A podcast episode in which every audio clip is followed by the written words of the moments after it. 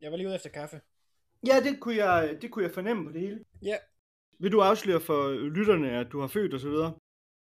Ja, det vil jeg gerne. Okay. Det kan jeg sagtens. Men øh, ja, jeg vil sige, det er jo lidt af en metafysisk begivenhed, at jeg har født. Men øh, nej. Ja, det er jo det moderne sprog. det er jo det. Det er sådan, man gør nu om dagen. Ja, jamen, det startede med, at øh, det var øh, kvinden, der var gravid, så var det os, der var gravid, og nu er det simpelthen mig, manden, Ja. der har født. Præcis. Jamen, du var jo selv inde og bevidne hele smer- den smertelige affære. Jamen, det var jeg jo. Jeg var jo, jeg var jo med til fødslen, det er rigtigt. Ja, ja. Nå, men, Ja, øhm, det var en øh, vild, øh, vild, øh, vild oplevelse, må jeg sige. Ja, men tillykke med det, Niels. Jo, tusind tak. Der er noget skramlen i, i baggrunden hos dig. Sidder du lidt uroligt? Ja, eller? det tror jeg, jeg gør. Jeg tror, jeg, tror, jeg, tror, jeg sidder lidt uroligt, ja. Ja, for jeg kan sådan høre det i mikrofonen, at det sådan pusler sådan lidt... Uh, uh, uh. Det kan godt være. Sådan, nu er der mere ro på. Det er de Ja. der urolige ben der. Ja, det er, nok, ja, det er benene. Ja, det må være det, når jeg sidder sådan her. Ja, så er det, at du, øh, når du laver en pointe, så vil du gerne klappe ned i bordet. Det Ja. skal du lade være med. Nå ja, ja, det er rigtigt, ja. Det er det, det gør jeg også rigtig meget. Det har du ret i. Ja, det er når du bliver helt øh, opstemt, skulle jeg til at sige. Ja. Jamen, det kan man også blive. Øh, Jeg øh, er stor fortaler for intellektuelle orgasmer.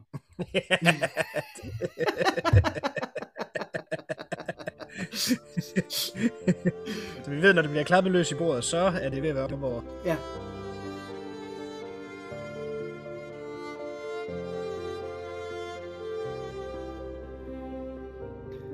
Ærede lyttere i land og by. Velkommen til Matador Mix, eller rettere Remix.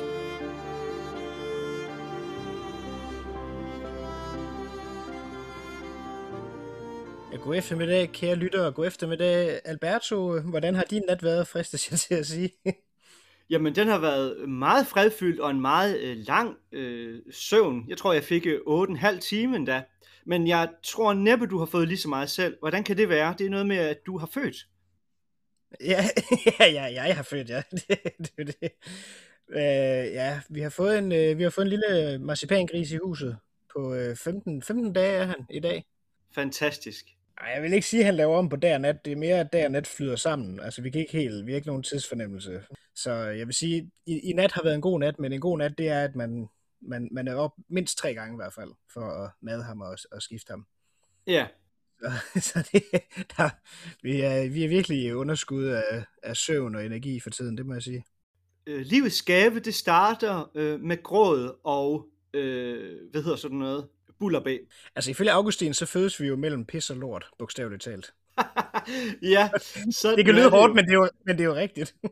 Ja, sådan er det jo. Men det er jo også et mirakel, det må man sige. Altså, hold da op. Ja, altså jeg har jo selvfølgelig set billeder. Øh, jeg er blevet snappet en del, og jeg øh, er helt ellevild med ham. Han er så sød, Niels. Jamen det er han, og jeg tror også, altså selvom han øh, frarøver os øh, vores søvn og energi, så tror jeg, man vil definere ham som et nemt barn, trods alt. Nå, ej, det er godt. Det synes jeg bare, I skal blive ved med at fortælle jer selv. Ja, men han er jo ikke, han er jo ikke kolik eller, eller noget som helst, og han udvikler sig, som han skal. Han tager det på, han skal, så, så der er ikke noget der, men altså, Perfekt. det er jo lige med at, at finde en rytme i det. Mm, men det kommer nok.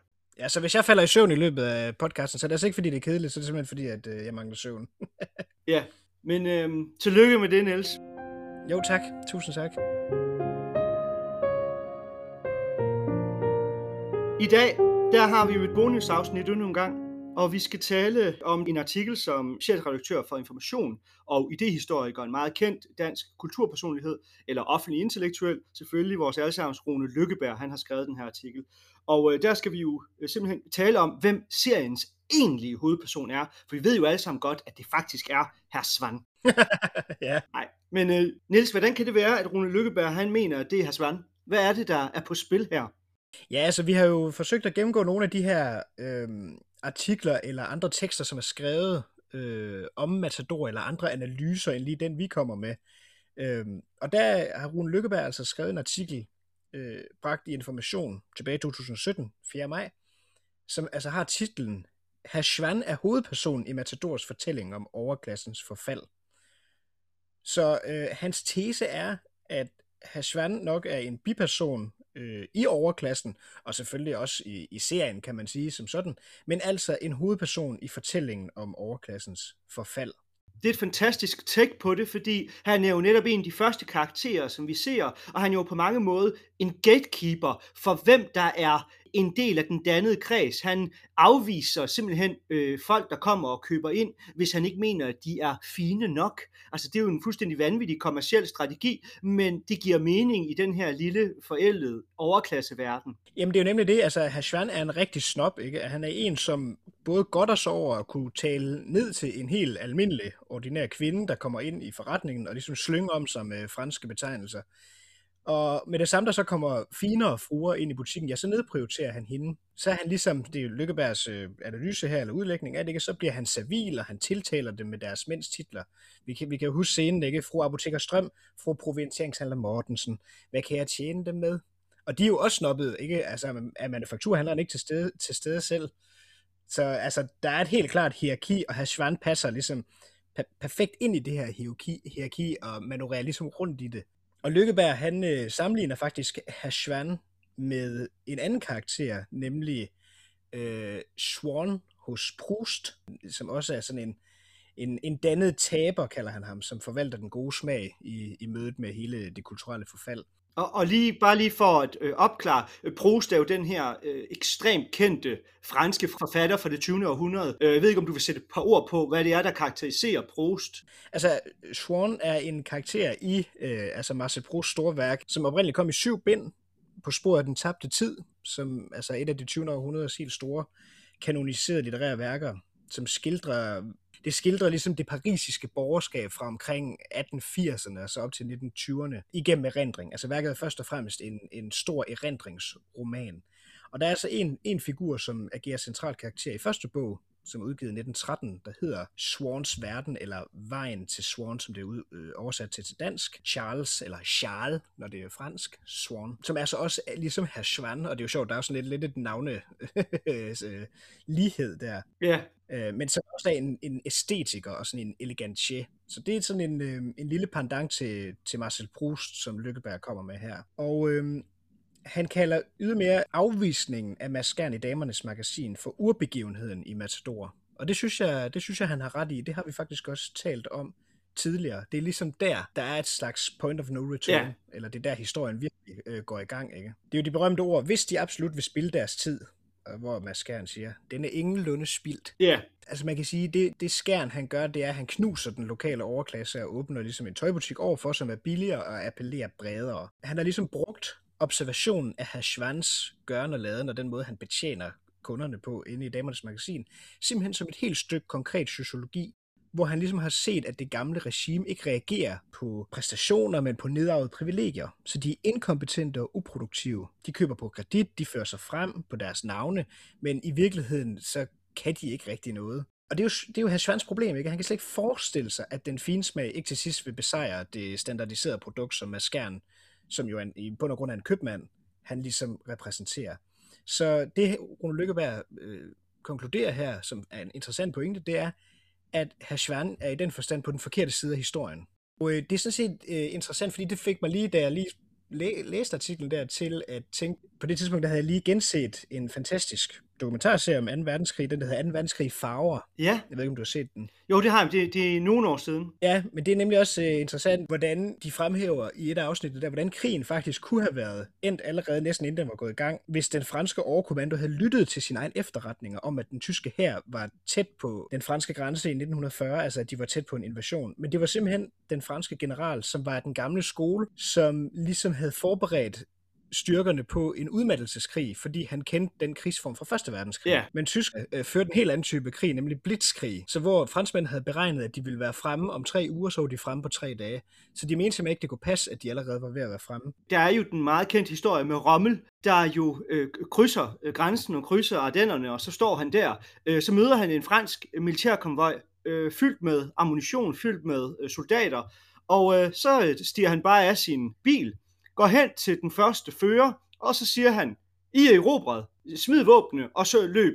Og så smed de simpelthen bare det hele. Og det er jo sjovt, hvordan det er rent psykologisk, det psykologiske chok, da du lige pludselig møder en tankbrigade, 20 km ind i landet, så er reaktionen ikke at sige, nej gud, lad os omringe den, fordi den er alt for langt inde. Rommel, han, han, det var jo et gamble, så Rommel han var jo langt, alt for langt inde i forhold til de øh, forsyningslinjer, som han, han egentlig kunne understøtte. Men sagen var jo bare, at når franskmændene så, at de var der, men du skulle først være der om tre uger, så kunne de godt se, nå, ja. så har vi tabt, øh, eller så er vi overløbet. Øh, så smider man våbne. Så det er jo også øh, utrolig den psykologiske effekt, som det har, at man bliver hvad skal vi sige, konfronteret med virkeligheden. Og netop måske også derfor, at franskmændene bliver så øh, hurtigt overrumplet, fordi de kunne simpelthen ikke forestille sig, at der pludselig stod en, øh, en panserbrigade. Og man skal jo tænke på, at størstedelen af den, af den tyske hær var på hest, selv i 2. verdenskrig. Det er nemlig rigtigt. Altså det, så det var en sjov kombination af netop altså, stadigvæk et levn fra en gammel form for krigsførelse, netop hvor du stadig bruger hest, men også, de formåede også at kombinere både luftvåben, artilleri, tanks og så med radioteknologi. Ja. Og det gjorde, øh, altså den franske general, han var simpelthen bange for at have telefon, for han mente, det var en stor sikkerhedsrisiko.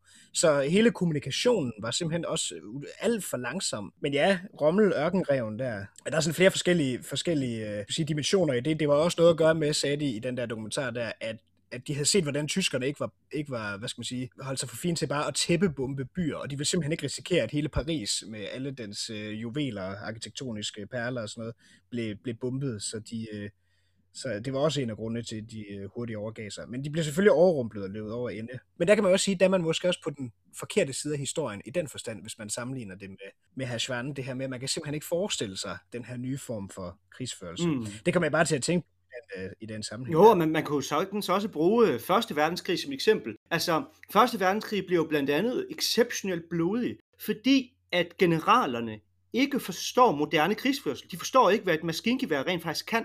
Altså, så når de stiller op i de første mange slag, og tænker, om det handler, om sådan, det handler om, at to herrer mødes, og så skal vi udmanøvrere hinanden med artilleri, som Napoleon nu engang gjorde. Ikke? Altså den, den sidste store krig, det er jo øh, den, den øh, preussisk-franske krig i øh, 1871. Altså vi skal altså langt tilbage. Og den krig, der, hvor den, hvor den moderne krigsførsel rent faktisk blev udført, det var jo i Boerkrigen i Sydafrika.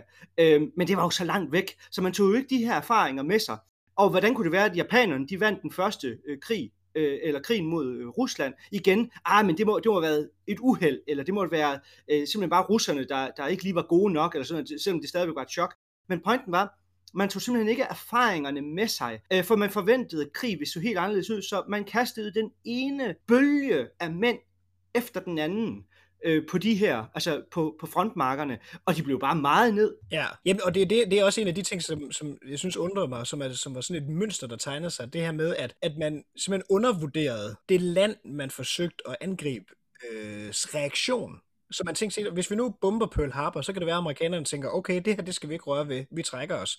Og hvad skete der? Der skete det modsatte. De gik ind i krigen. Hvad sker der, hvis vi tæppebomber London, så kan det være, at englænderne ligesom tænker, okay, det her, det vil vi simpelthen ikke, øh, det vil vi ikke øh, risikere igen, så vi, øh, vi trækker os, så at sige. Øh, men det højner simpelthen bare krigsmoralen, så det er som om, at man gang på gang simpelthen fejlanalyserer, fejlvurderer, hvordan de her angreb vil have af reaktioner. Men øhm, tilbage til Schwan. Det, som så til gengæld bliver interessant efter konkursen i Damernes Magasin, det er, at som Lykkeberg skriver, de rige er blevet løgner og bedragere i Hashvans univers. Altså, så Hashvan passede, passede så godt på de små trin, at han ikke så bygningen styrte sammen. Det er ligesom det, der sker med, med konkursen der. Og han dør så ved et fald ned ad en trappe, hvilket selvfølgelig også er lidt... Øh, finurligt lige den sammenhæng. Han var for dyr i drift. Ja, det var så, fordi han var for dyr i drift. fordi han simpelthen krævede for meget løn. Ja, men det, men det var så en anden snak. Ja. Men, men altså, før, før sin død, så truede han med, med sagsanlæg, da han blev bidt af konsulens hund, som ligesom øh, skulle holde ham for døren. Og det er fordi, han er blevet inkassator. Ja. Og det er jo sjovt, fordi det, det skriver Lykkeberg så, at Misse Mø fuldender øh, Schwans fald, da hun forveksler kulturhistorien med en karakterbrist. For hun siger, at Schwan var nu anderledes høfligt, da han ekspederede i damernes magasin. Og der, øh, Maud er jo sådan set øh, i den scene der, øh, det skriver Lykkeberg ikke lige noget om, men det kan jeg huske fra den scene der, hvor hun, hvor hun jo på en måde maner til, maner til fornuft. Ikke? Hvis han nu er blevet bit, altså hun kan sgu da godt forstå, at det ikke er fedt at blive bit af konsulens øh, øh, rottweiler, ja. altså helt ærligt. Men så det er simpelthen, Hashvan spiller simpelthen en central rolle i, i den store fortælling i Matador, om, øh, om den gamle overklasses undergang og det nye borgerskabs øh, gennembrud. Så hans pointe er, at Svan både er slæsk, snobbet og modbydelig, men han er også en vidunderlig skøn ånd, som er latterlig, fordi han tror på, at skønheden er stærkere end kapitalismen.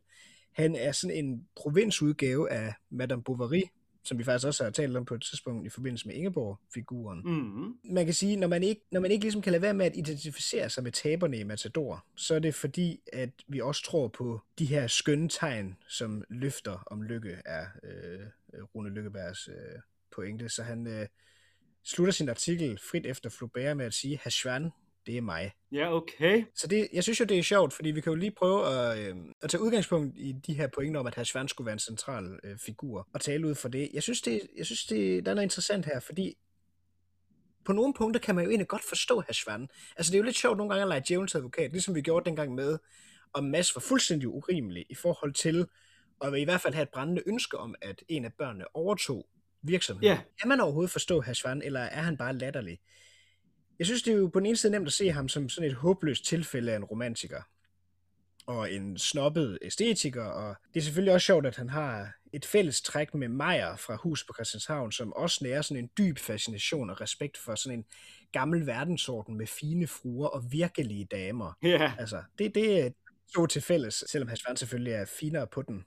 Men hele ideen om at være uden for historien, og om ikke at kunne følge med udviklingen, er også interessant. Og jeg synes også, at jeg kender det fra mig selv. Øh, nu har jeg selvfølgelig ikke en, en forretning, der står og falder med, om jeg kan finde ud af at reklamere via øh, TikTok øh, frem for kataloger eller andre trends og kommersielle strategier. Men, men det er jo en af de ting, som, som er fremme i dag, ikke? I forhold til at tænke, hvordan skal man egentlig bruge de her moderne, hvad ved jeg, teknologier og sociale platforme, som, som, som dukker op. Og hvis man ligesom insisterer på, at der er en bestemt måde at gøre tingene på, så falder man nok hurtigt af det tog der. Nils, skal vi på TikTok? ja, det sgu. Det kan være, at vi kan fange et lidt yngre publikum. Ja, jamen det, det er selvfølgelig rigtigt, men jeg synes jo, nu har vi jo om, om, øh, omfavnet podcastmediet. Det er da også rimelig moderne. Ja, ja, for 10 år siden.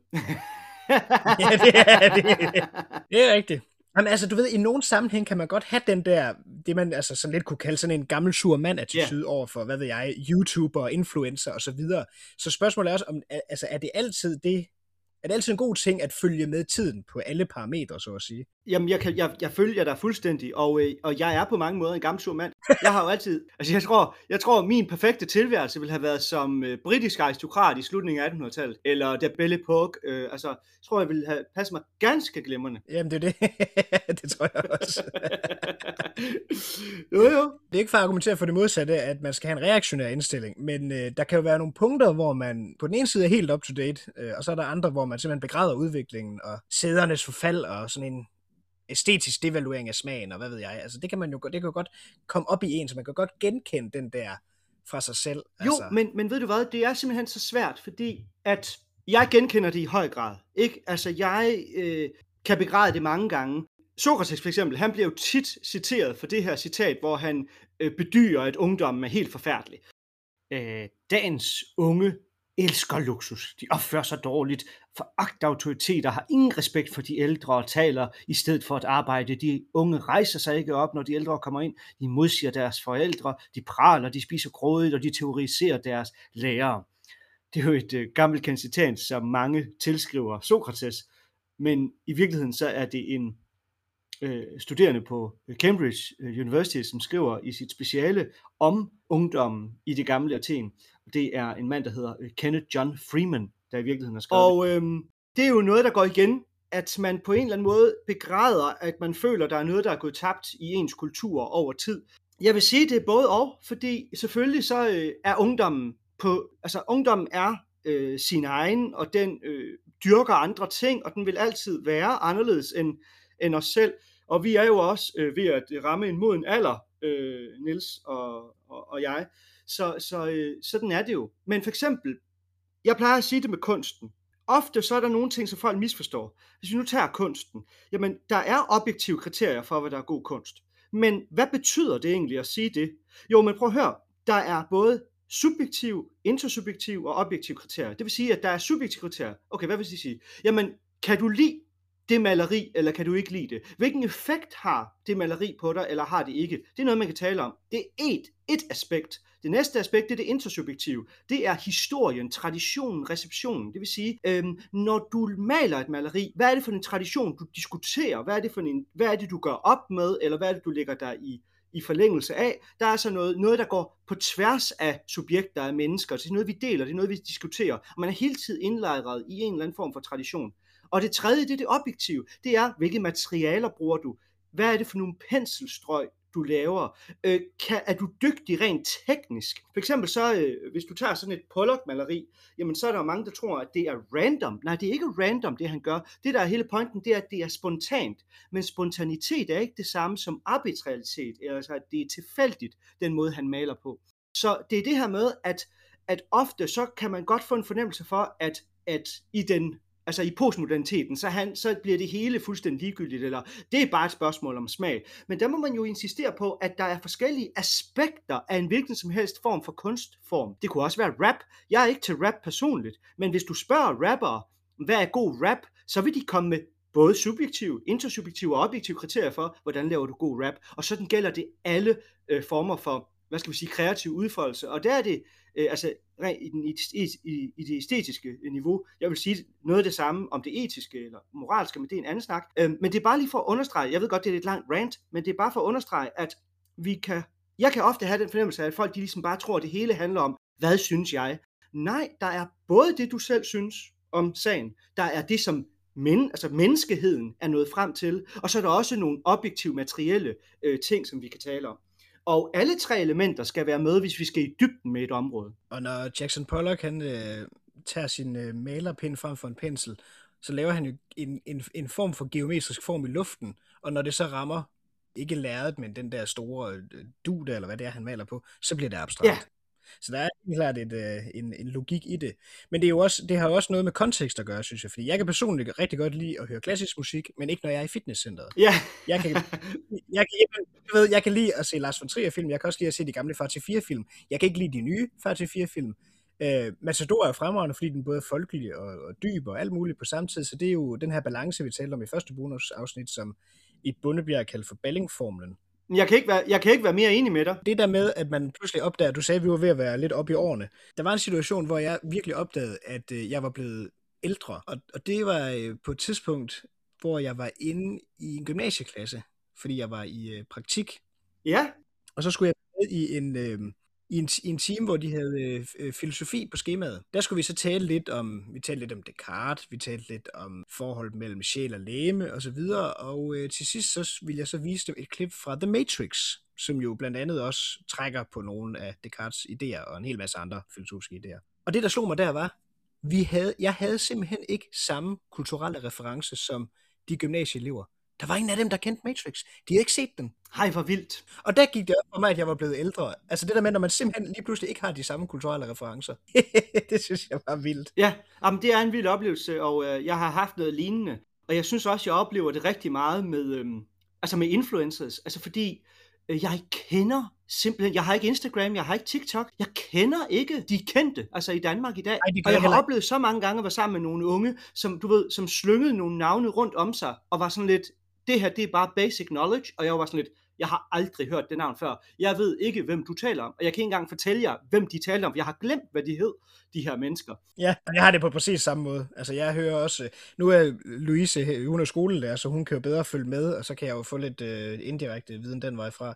Men, uh, men det, det, det, der er godt nok mange, jeg ikke aner, hvem er. Og som er store navne, altså også musikere og sådan noget. Altså, jeg aner ikke, om jeg aldrig har hørt om det ja.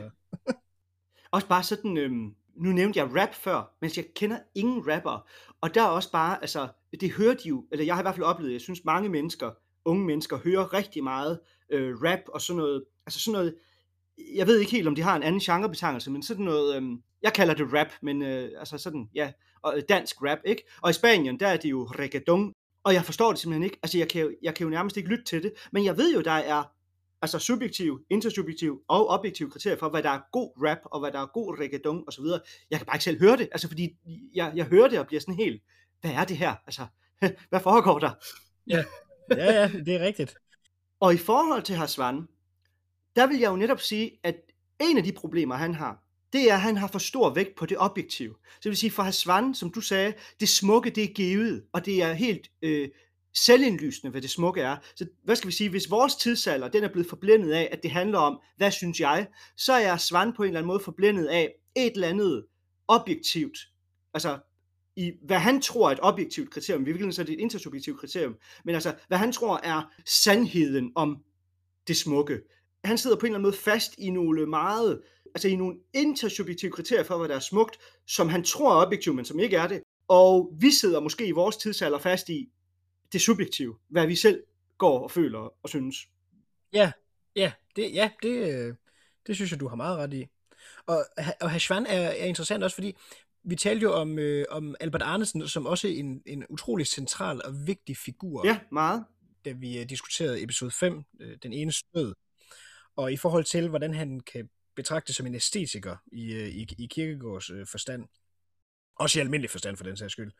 Men øh, der kunne jeg godt lige tænke mig at knytte en kommentar mere til Hashvan, fordi Hashvan er også interessant i den sammenhæng, fordi han adskiller sig nemlig også fra Arnesen, øh, vil jeg mene, øh, på et bestemt punkt. Øhm, så kan du huske den scene, hvor Bold kommer med tidene, øh, men Hashvan han gider ikke se den, øh, fordi der står noget om tøjhus, eller det vil sige, han vil gerne se den, men han vil ikke have, at Bold ser, at han kigger i den. Ja. Og så, så siger Bold, Nå, Hashvan, kan de høre Fenris ulven glamme? Og det er jo et tydeligt tegn på, at Ragnarok er nær, øh, og den gamle overklasses undergang i almindelighed, og damernes magasin i særdeleshed. Men ligesom i mytologien, så er verdens undergang ikke den totale undergang. Der er noget, der overlever, og verden genopstår. Så det nye borgerskab opstår ligesom fra asken af den gamle verdens fald. Altså helt konkret og bogstaveligt, at omegnsbanken opstår i lokalerne, hvor damernes magasin lå. Øhm, og hvad sker der så med Hashvan? Ja, Hashvan dør jo ikke ligesom Arnesen, han bliver inkassator. Og som Lykkeberg så fremhæver, nu foragter han ligesom dem, som han før så op til. Og det er interessant, fordi med Arnesen, der var det sådan, at hvis vi læser det ud fra Kirkegårds terminologi, så er den æstetiske sfæres grænse, altså det livssyn og den livsanskuelse, æstetikeren har, der er selve grænsen virkeligheden eller realiteterne. Så æstetikeren er fanget i sin egen forestillingsverden, som altså er konstrueret. Så man kan sige, at virkeligheden rammer Arnesen fuldstændig frontalt, ikke? hvilket betyder, at den æstetiske sfære ikke længere kan opretholdes. Yeah. Og i Arnesens tilfælde, så betyder det, at han er defineret af sin nedarvede privilegier, sin titel, sin position. Altså en stafage-tilværelse uden substans, derfor dør han. Ja. Altså når flødeskum ikke længere kan holde sammen på kagen, så dør han. Hashvan er også tæt på, især da han får at vide, at Damernes Magasin ikke vil genopstå, men i stedet for kommer der en bank. Altså, Ja. Det er der, han, øh, han overvejer, at det var, om det var bedre at ligge dernede i jorden som øh, chef. Det er sjovt, at selv i det øjeblik, hvor alt er gået tabt, så har han stadigvæk en fast tro på, at øh, Mads Skjern, han vil genopleve butikken for det finere publikum. Ja, lige præcis. Det, det er han fortsat øh, overbevist om. Men der kommer fru Violet jo med en meget øh, fin pointe, fordi hun siger jo, at vi, der aldrig har ejet så meget, for os gør det ikke så stor en forskel. Netop. Så Hashvan overlever, fordi, vil jeg mene, han har sådan set et ben i hver lejr, så at sige. Han har et ben i forestillingsverdenen, øh, den æstetiske forestillingsverden her, øh, med at den fine smag og skønheden vil overkomme kapitalismen. Men han har sådan set også et ben udenfor, altså allerede fra begyndelsen. Ja. Fordi vi nemlig også ser ham på jernbanerestauranten, altså som tilhører en helt anden sfære, end, end den han, øh, han dyrker i Damernes Magasin. For han har ikke råd til at gå på, på, på postgården hver eneste dag. Nej, det er jo nemlig det, Hashvan drikker ikke sherry og cognac, men bajer skyld. Ja, Altså, så øh, det gør sådan set hele forskellen, kan man sige.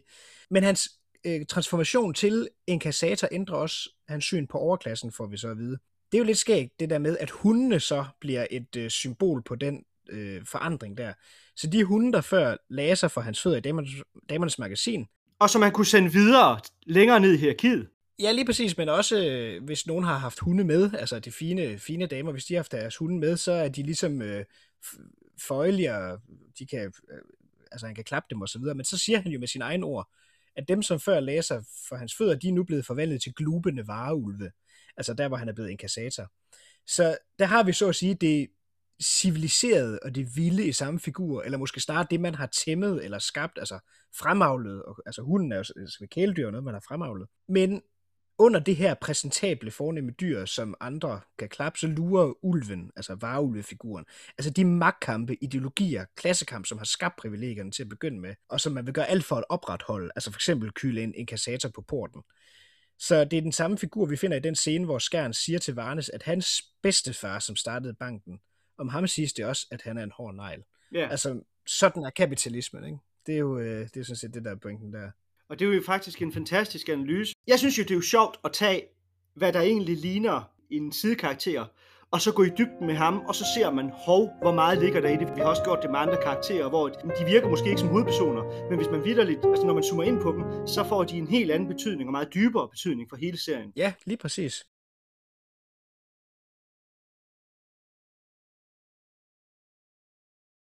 Ja. Jamen, det var vist ved at være det, Niels.